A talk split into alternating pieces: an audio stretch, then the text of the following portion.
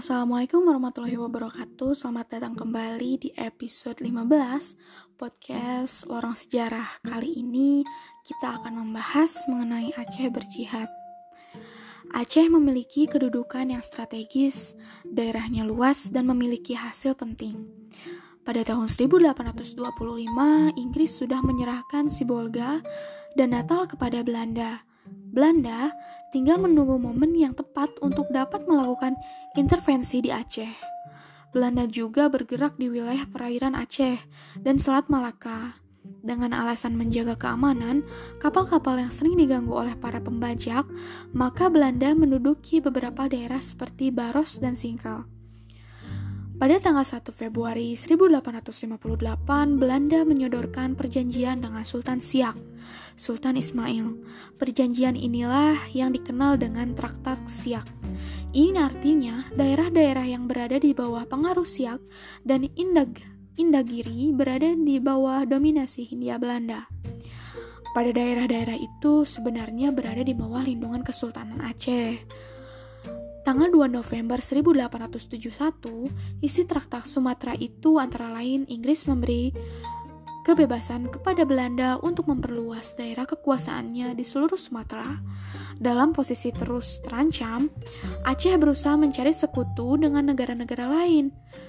Pada tahun 1873, Aceh kemudian mengirim utusan yakni Habib Abdurrahman yang pergi ke Turki untuk meminta bantuan senjata.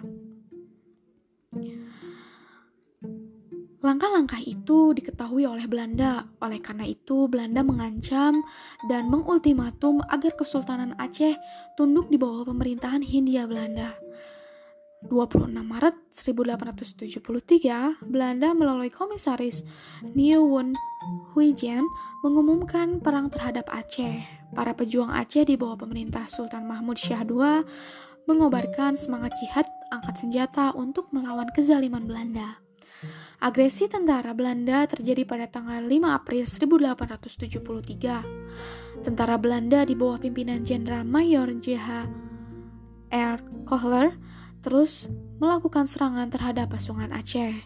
Pasukan Aceh yang terdiri atas para ulebalang, ulama, dan rakyat terus mendapat gempuran dari pasukan Belanda.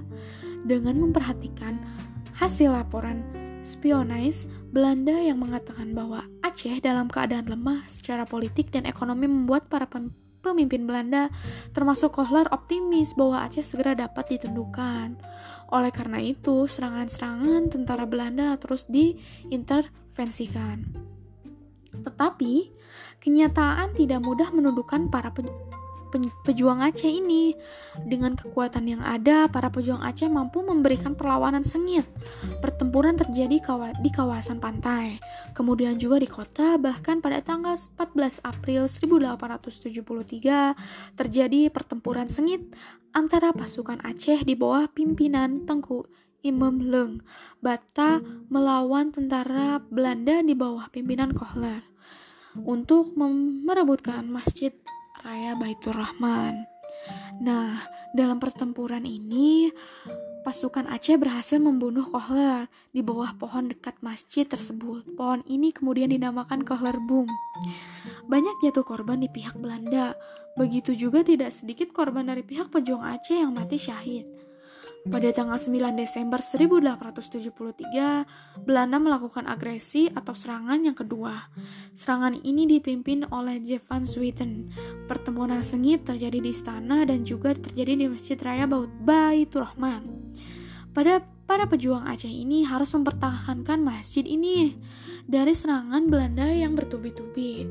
Masjid terus dihujani peluru dan kemudian pada tanggal 6 Januari 1874 masjid ini pun dibakar. Para pejuang dan ulama kemudian meninggalkan masjid, tentara Belanda kemudian menuju istana. Pada tanggal 15 Januari 1874, Belanda dapat menduduki. Jatuhnya Masjid Raya Baitur Rahman dan Istana Sultan Belanda menyatakan bahwa Aceh besar telah menjadi daerah kekuasaan Belanda. Para ule balang, ulama dan rakyat tidak ambil pusing dengan pernyataan Belanda.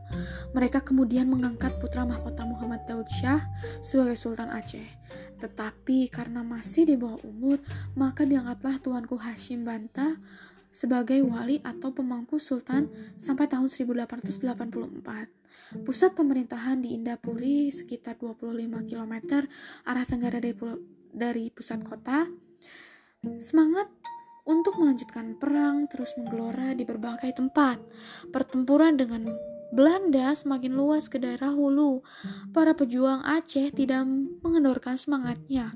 Aceh terus mengobarkan perang melawan Belanda dengan terus melakukan serangan-serangan ke pos-pos Belanda.